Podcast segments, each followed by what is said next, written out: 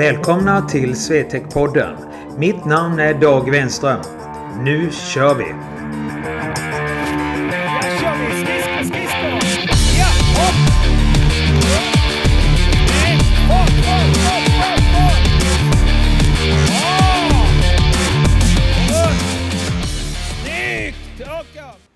Ni lyssnar på det elfte avsnittet utav Swetec-podden.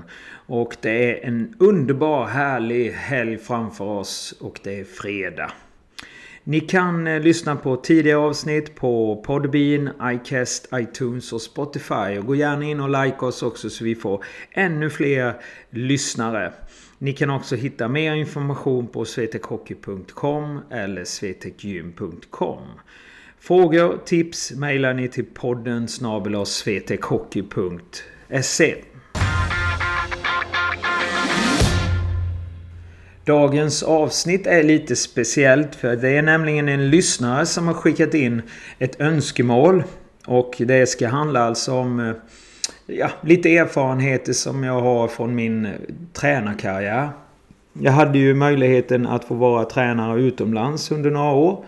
Och det är väl den bästa tiden tänkt eh, Ja, det är den bästa tiden jag hade som, som ishockeytränare. I Sverige så var det väldigt eh, normalt om jag uttrycker mig så. Men eh, att vara tränare utomlands det är ju en fantastisk förutsättning. Uppleva nya kulturer och uppleva massa olika saker som man inte kan få här hemma. Och det är en erfarenhet som man inte liksom kan få på något annat sätt.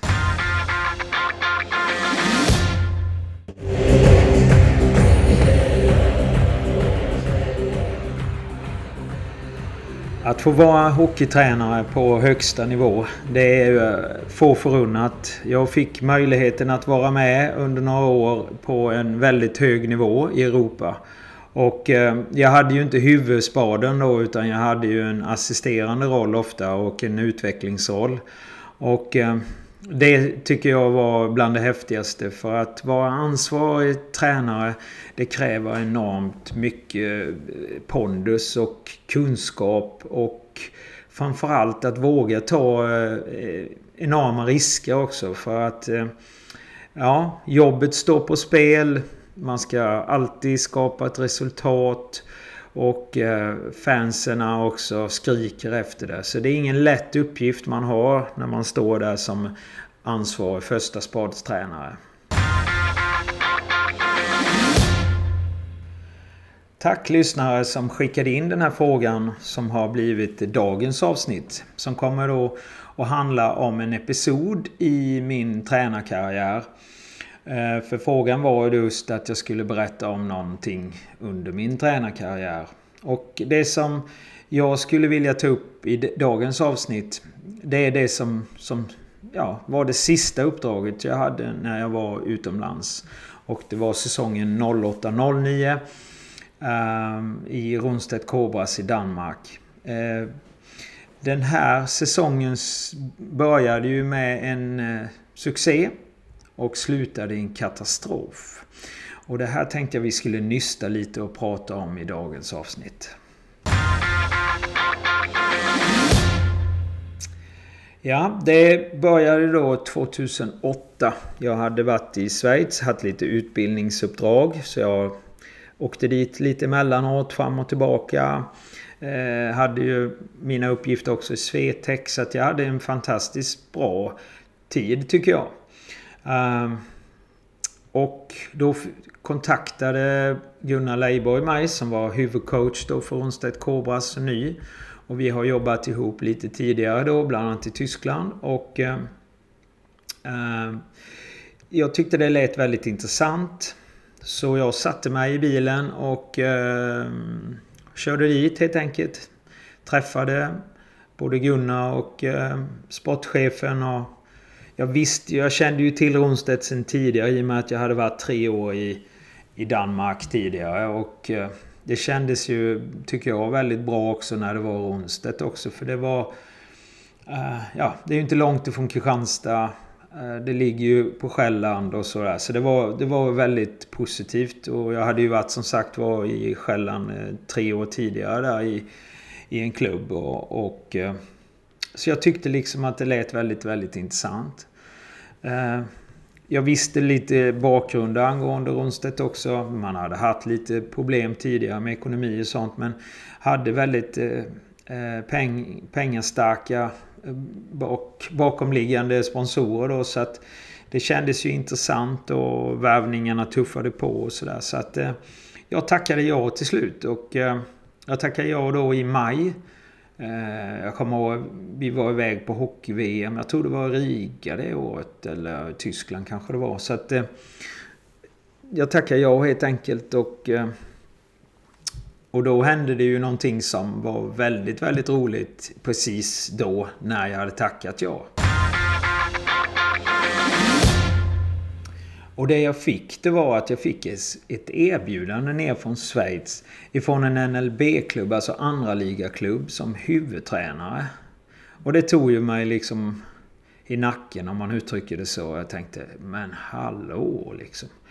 Och det var ju inga småsummor heller som kom på tal här utan det var faktiskt en hel del pengar som kom upp eh, i det här kontraktsförslaget.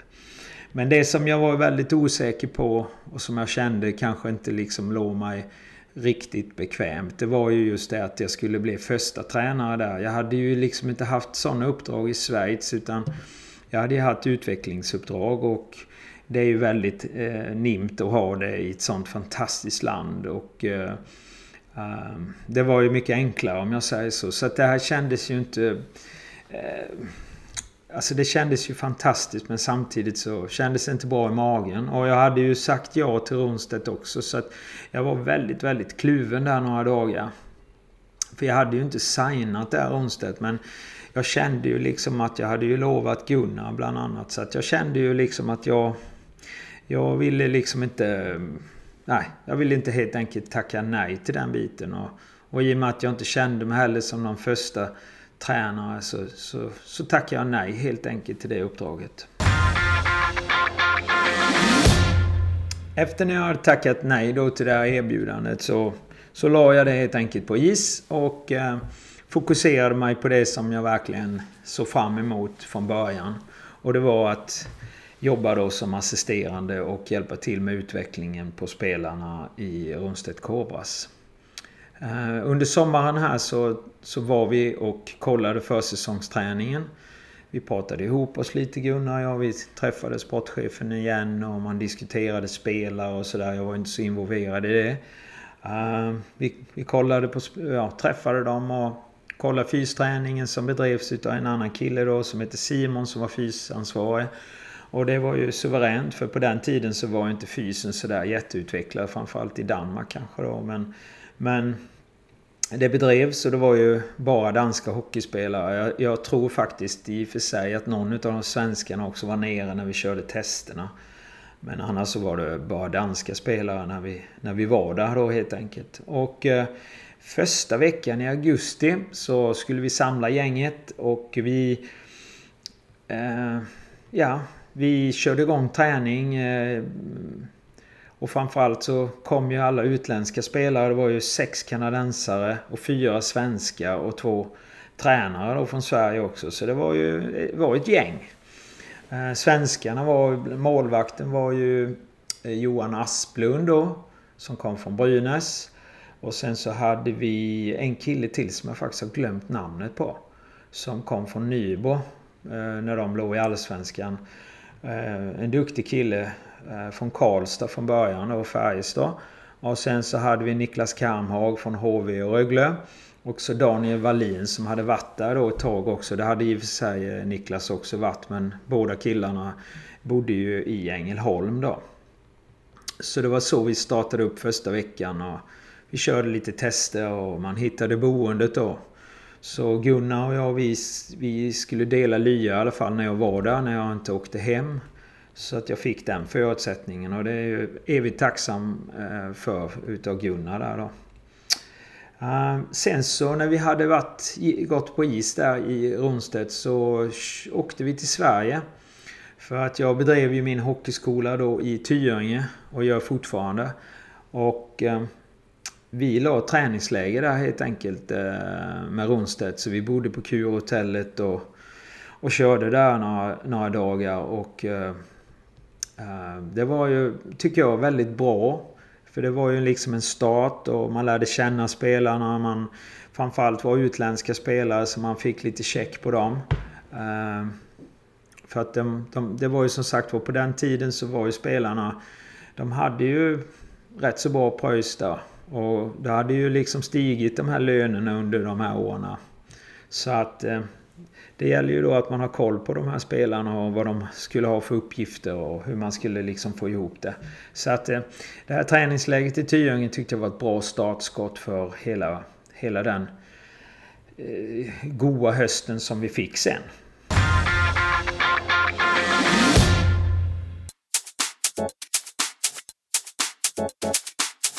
Lite information. Gillar du podcasten? Gå in och hjälp oss då och likea på iTunes, Podbean, iCast eller Spotify. Ni kan också hitta oss på Facebook, Swetec Gym eller Swetec Hockey. Vill ni veta mer och ha mer information om våra utbildningar, eller kamper eller vad vi nu kan stå till tjänst med så går ni in på swetechhockey.com. De närmaste kamperna som vi har som ni kan boka in på och få en plats är Christmas Skate Camp den 15 till 16 december i Hässleholm. Vi har också nyårs Skills Camp den 29 i Hässleholm. Och den 27 januari så har vi Defense Skills 2. När vi körde den i höstas så var den ju proppfull. Så att gå in och boka era platser nu. Så ni kommer med så ni får goda härliga förutsättningar för att nå er bästa nivå. Och glöm inte att boka Sommar Academy 2019. Det ligger också uppe på hemsidan swetechockey.com. Så gå in och kolla och boka er en plats redan idag. Vi syns!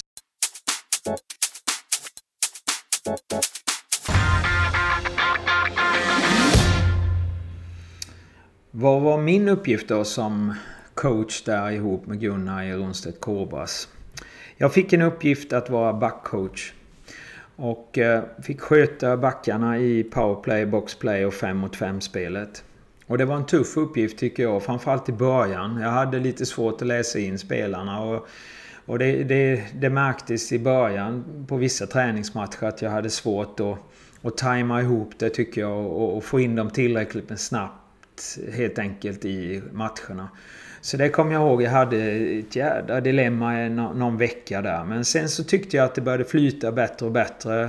Jag tog lite samtal med spelarna och försökte komma in närmare på dem så jag kunde känna av dem. Och pratade också med Gunnar då hur han ville ha det. För jag kände mig kanske lite ringrostig. Jag hade inte haft den positionen på det sättet tidigare. Och, eh, men jag tyckte att flytet blev helt enkelt eh, bättre och bättre. Och eh, en liten eh, rolig anekdot också här när man pratar just träningsmatcherna i augusti så, så hade man bokat dubbelmöte då mot en svensk klubb. Och det var ju inte vilken klubb som helst utan det var ju faktiskt Kristianstad IK som jag då bor. Eh, bor ju i Kristianstad så att det var, det var ju jätteroligt. Och jag hade ju inte varit involverad eller haft någon kontakt med Kristianstad på många, många år. Och eh, ja, jag kan ju tycka ibland det är lite tråkigt och tycker kanske fortfarande att det inte är synd att man kunde fått tätt, ja, utnyttjat mina kunskaper kanske, om man säger så. Det fanns ju på vägen. För jag kan ju tycka, ja, ja men det kan väl också varit så här att jag tyckte ju till väldigt mycket och ibland kanske jag sa de här sakerna också så att det kändes lite som att de inte tyckte om mig precis och det kanske de inte gör fortfarande, vad vet jag. Men eh, ja, lite kunskap och erfarenhet hade jag. Och jag tycker ju att den, den här klubben Kristianstad sköts ju... Gjorde väldigt dålig. Och än idag så tycker jag väl att den är väldigt oproffsig egentligen. Och det behövs man göra lite bättre. Men vi ska inte ta upp mer om det. Det kan vi ta någon annan gång. Men vi, gjorde, vi hade i alla fall ett dubbelmöte med Kristianstad där och... Uh, vi skulle möta dem på hemmaplan först för jag tror de var på något träningsläger då så som man brukar göra i Kristianstad. Och eh, vi mötte dem. Eh, Jens Svensson var ny det året tror jag. Han kom från Malmö då. Och han har jag ju tränat när han var liten knatt då i Kristianstad IK. Och eh, Han var inte med i den matchen, han stod vid sidan om. Och jag kommer ihåg Nisse Nilsson var tränare då i Kristianstad. Och vi spelade den här matchen och det var ju som sagt var ingen större match för oss egentligen. Vi hade ju mött Malmö Redhawks någon dag innan och fått stryk med uddamålet. Och sen så blev det ganska många måls skillnad där mot Kristianstad. Det var lite lägre nivå om man säger så. Vi hade ett väldigt, väldigt bra lag. Och eh, sen så vet jag, vi skulle ju då eh, spela tillbaka den här andra matcherna. Och vi var ju med i pokalturneringen då i danska elitserien. Och den var ju väldigt viktig för oss. Och delvis då så hade vi några matcher på försäsongen. Och då var det en... Vi skulle möta Vidove då, jag tror det var en måndag. Eller var det att vi skulle möta dem på tisdagen kanske och möta Kristianstad då på söndagen. Och då så sa jag så här till Gunnar att eh, ska vi inte skita i den matchen för att det ligger så nära inpå. Helt enkelt då mot den här pokalmatchen. Så att det tyckte ju både sportchefen och, och Gunnar och eh, så man avbokade den matchen. Och det tror jag inte Kristianstad blev så glada över. Men det var faktiskt mitt fel att den inte blev av den matchen. Ja, eh, hösten flöt på. Serien började, matcherna gick bra, vi eh, fick bra resultat, vi spelade bättre och bättre. Det var häftiga häftiga... Uh, en, en, en dag kunde ju ofta se ut så här. Det, det, är lite som jag tycker är hockeybubblan när man jobbar utomlands och jobbar med lag. Det är liksom att dagarna är ganska lika. Vi kunde... Vi gick ofta på is på morgonen klockan åtta. Och jag hade ofta förmiddagspasserna.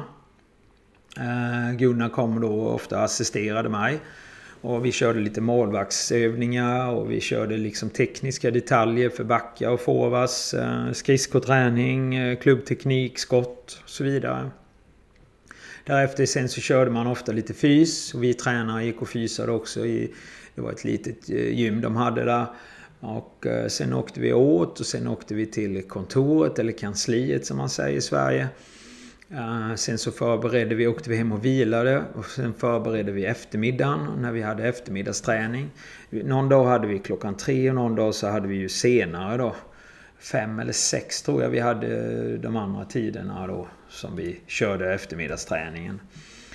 Uh, hade vi match typ under veckan så var det bara förmiddagsträning med matchvärmning och uh, åkte man åt och och körde lite fys och givetvis efter och sen åt och sen så till kontoret och sen så var det bussresa. Bussresorna var inte så långa tycker jag i danska elitserien. Den längsta var ju till Jylland där då. Och man skulle möta Odens äh, äh, Ålborg och ja, Härning och de där lagarna då. Men annars så var det ganska lugnt tycker jag. Um, bra resor, bra bussar, vi hade bra bussar, vi hade våra platser som man brukar ha på den nivån. Och ja, bra mat, skötte sig väldigt. finns väldigt mycket anekdoter från den här tiden också egentligen.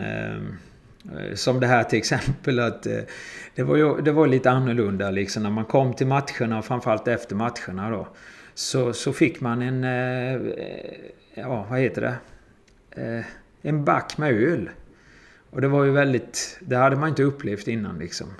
Att när man kom då så, så, så spelarna skulle få öl och vi också efter matcherna liksom. Det, det fick vi inte riktigt ihop i början. Och det var ju inte vår kultur om man säger så, där vi kom ifrån. Så det var, det var en rätt häftig grej i början, en anekdot liksom. Det, det, det var lite annorlunda helt enkelt. Hösten flöt på. Eh, framgångarna följde med oss. Eh, vi låg i toppen för eh, det sa ju sportchefen i ett tidigt läge, kommer jag ihåg, var på ett möte så sa sportchefen att ni ska vara sämst fyra med det här laget under säsongen. Är ni sämre än det så får ni sparken. Så jag, jag kommer ihåg, det var väl någon period där vi fick stryk två matcher i rad eller något. Jag tror vi var femma. Och då sa jag, skojade jag med Gunnar och så sa jag det. Nu kanske vi ska packa väskorna. Men eh, eh vi vann, eh, kommer jag ihåg, nästa match efter där sen. Så vi hoppade upp igen till tredjeplatsen. För vi låg ofta runt tredjeplats där. På den tiden så var ju Härning väldigt dominerande i dansk ishockey. Så att eh, det var och något lag till. Jag kommer inte ihåg förresten vem som krigade där. Men Odense var rätt så duktig på den tiden också. Men i alla fall, vi låg runt eh, 3-4 där hela tiden. Och eh, vi hade en fantastiskt bra höst. Vi, vi vann, eh, vi förlorade tänkte jag säga eh, Eh, aldrig mer än eh, en match, vann två typ i den, eh, den striden hade vi ungefär. Så att två matcher, kanske förlora en. Det var sällan vi förlorade två i rad. Så att det gick väldigt, väldigt bra för, för oss och laget var bra. Ja, när vi kom lite närmare vintern här, senhösten så... Så eh, kom ju ett break där väldigt bra. Det var ett landslagsbreak som kom. Vi hade ju några landslagsspelare som skulle iväg på samlingar och så. Och det kom väldigt lägligt eh, för att vi hade en liten tuffare period där i slut, slutdelen om man säger så innan första landslagsledigheten. Och eh, det tror jag var tur för oss för att eh, vi kunde ladda om batterierna. Jag kommer ihåg Gunnar åkte hem. Jag fick ta träningarna där då. Det var, vi var väldigt bra synkroniserade. Ehm, så det var, det, var, det var bra. Så vi kom tillbaka med hungrig, med mycket energi. Ehm, och såg verkligen fram emot omstarten då. Så det skulle ju vara ett x antal matcher där innan jul. Och sen så, så var det, hade vi fyra, fem dagar ledigt och sen så var de här mellandagsmatcherna då. Men man kan säga så här att eh, i slutet där på november då, så så var det någonting som stämde. Jag och Gunnar vi var på golfbanan. Och eh, alltså på ranchen det. var hyfsat varmt och Och eh, det var någonting som inte stämde. Gunnars mobiltelefon fungerar inte. Och han, han blev ju konfundersam. Funkar inte den? Så att vi slog några bollar till och han sa till mig då att eh, det hade varit något strul med mobilen tidigare för någon månad sedan. Och den här perioden, det var ju då den här eh, ska vi säga, ekonomiska krisen också började att löpa in i nyheterna. Eh, det var ju hösten eh, 08 där. Så eh, vi ja, sköt några bollar till och sen så stack vi till kontoret. Och mycket riktigt, då hade man inte betalt telefonräkningen. Och då började en tid med väldigt mycket osäkerhet. Sponsorer då som inte kunde betala helt enkelt för att man gick in i den här ekonomiska krisen. Eh, laget började... Ja, det, det började hända massa saker i laget. Det var någon som inte kanske fick lönen i tid. Det släpade. Så den här perioden från början på december fram till jul där, den var väldigt tuff. Vi hade fortfarande, tycker jag, rätt så bra framgångar. Men det var en tuff period. Vi skickade iväg en spelare tillbaka till USA. Eller Kanada då kom han ifrån förresten. Och eh, vi tog in en ny slovak, hade gjort då i november där någon gång. För vi skickade hem en annan kanadensisk back också. Den här tiden var eh, rätt så tuff för väldigt många. Eh, man satte ju klubben i en rekonstruktion eh, under december där och i, innan jul så började man skicka spelare och sådär för att man helt enkelt inte hade... Ja, man skapade den möjligheten att eh, eh, att de var fria till att gå. Vi hade ju bland annat en där utav kanadensarna som gick till Malmö Redhawks och det var ju inte bättre för de hade ju samma problem. Så han var väl där bara den en vecka, sen skickade de han också. Det kommer jag ihåg var ju en, också en anekdot. Ja, alltså han, jag tror han skulle spela någon match. Och de var inte klara med grejerna. Alltså, och de hade inte betalt in det. Ja, det var väldigt mycket strul i alla fall. Så han lämnade det där sen igen och gick till Italien istället. Men i alla fall den här perioden och hela perioden nästan fram till säsongens slut var ju bara massa eländes elände. Vi tog oss eh, till slutspel som var målsättningen med väldigt mycket reducerad eh, trupp och eh, Många hade ju väldiga ekonomiska problem bland spelarna. De fick ju ingen lön. Jag var den enda som hade lön i och med att jag hade Swetec då vid sidan. Men det här var en period som var eh, mycket, mycket tuff för alla. Och det är en lärdom som man har med sig, en erfarenhet då som, som finns i många klubbar då, just den här ekonomiska problematiken. Och eh, men som sagt var, vi tog oss till slutspel. Eh, vi gjorde inga indirekta ekonomiska dopingar så som Odense gjorde då som de lurade. Vi fick dem sen i kvartsfinalen. Och de lurade då sina spelare att de skulle få si och så. Och sen blev det ju inte så i slutändan. Vi fick stryk mot Odense där i eh, tre raka matcher. Eh, det var inte så väl så mycket att säga till om. Vi fick ju plocka upp väldigt eh, unga hockeyspelare från eh, klubben och sådär. Men de gjorde det fantastiskt bra så vi åkte ut med 3-0 där och det var... Det var, det var tufft tycker jag när man hade haft en sån fantastisk höst med alla de framgångarna som vi hade eh, haft. Då. Och, eh, Även om det var, eh, ska vi säga, ett halvår med framgång och ett halvår med, ja, med massa problem så, så tycker jag ändå att det är en bland de häftigaste säsongerna jag har fått vara med om under min tränarkarriär. Det var, det var häftigt helt enkelt. Rent ekonomiskt så slutade det med att vi fick ju garantilöner sen i juni utav danska staten. Så att det löste sig till slut i alla fall. Men som sagt var, en fantastisk Eh, sex, första sex månader kan man säga. Och en dramatisk avslutning på det här. Så att vara hockeytränare det är inte alltid lätt. Så tänk på det. Det var lite från en erfarenhet som jag har under min hockeykarriär som tränare. Och det var en, som sagt var, en utav det som jag tänkte på när jag fick frågan ifrån lyssnaren. Och jag hoppas att ni tyckte det var en liten rolig grej att förmedla. Även om det fick ett tråkigt slut. Uh, ja, det finns många goda och goda grejer som jag kan förmedla. Så ställ gärna frågan på podden snabelasvetekgym.se så ska jag dra några sådana här erfarenheter som jag har haft. Då vill jag tacka för detta avsnittet. Och hoppas att det, det har varit bra. Och jag ser fram emot nästa avsnitt. Och fram till dess så ta väl hand om er. Sköt om er. Njut utav tredje advent som är på ingående. Själv ska vi ha våran julkamp som börjar imorgon och är lördag och söndag. Så gillar ni oss, dela oss på Facebook, Instagram eh, och kolla där podcasterna finns som på iCast eh, iTunes, Spotify eller Podbean. Like oss, förmedla det till alla andra så hörs vi nästa vecka. Ha det gött. Hej! Ja, kör vi! Skridsko, skridsko! Ja, hopp! Runt! Snyggt! Fart, fart, fart, fart, fart! Bra! Och runt! Snyggt! Rakt